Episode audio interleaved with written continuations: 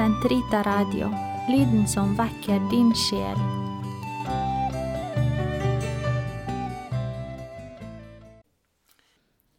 Den katolske kirkes katekisme, uke 52, onsdag 1061-1065. Amen. Credo slutter på samme måte som den siste boken i Den hellige skrift, med det hebraiske ordet amen. Vi finner ofte dette ordet på slutten av bønner i Det nye testamentet. På samme måte avsluttet Kirken sine bønner med amen. På hebraisk kommer amen av samme rot som ordet for å tro. Denne roten uttrykker trygghet, troverdighet, troskap. Slik forstår vi hvorfor amen kan brukes om Guds trofasthet mot oss og om vår tillit til ham. Hos profeten Esaias finner vi uttrykket Den trofaste Gud, bokstavelig oversatt Amens Gud, det vil si den Gud som er trofast mot sine løfter. Den som søker velsignelse her i landet, skal velsigne seg ved Amens Gud. Jesaja 65, 16.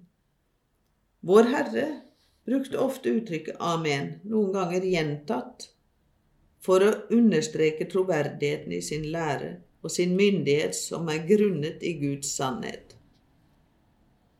Det avsluttende amen i trosbekjennelsen gjentar og stadfester derfor de to første ordene jeg tror. Og tror betyr å si amen til Guds ord, løfter og bud.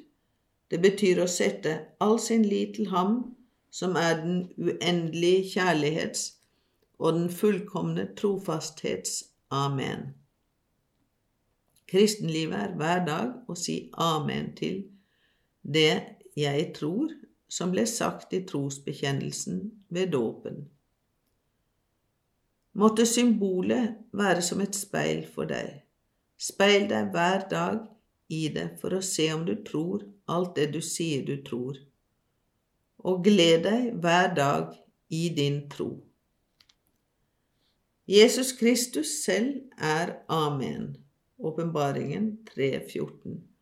Han er det endelige amen i Faderens kjærlighet til oss.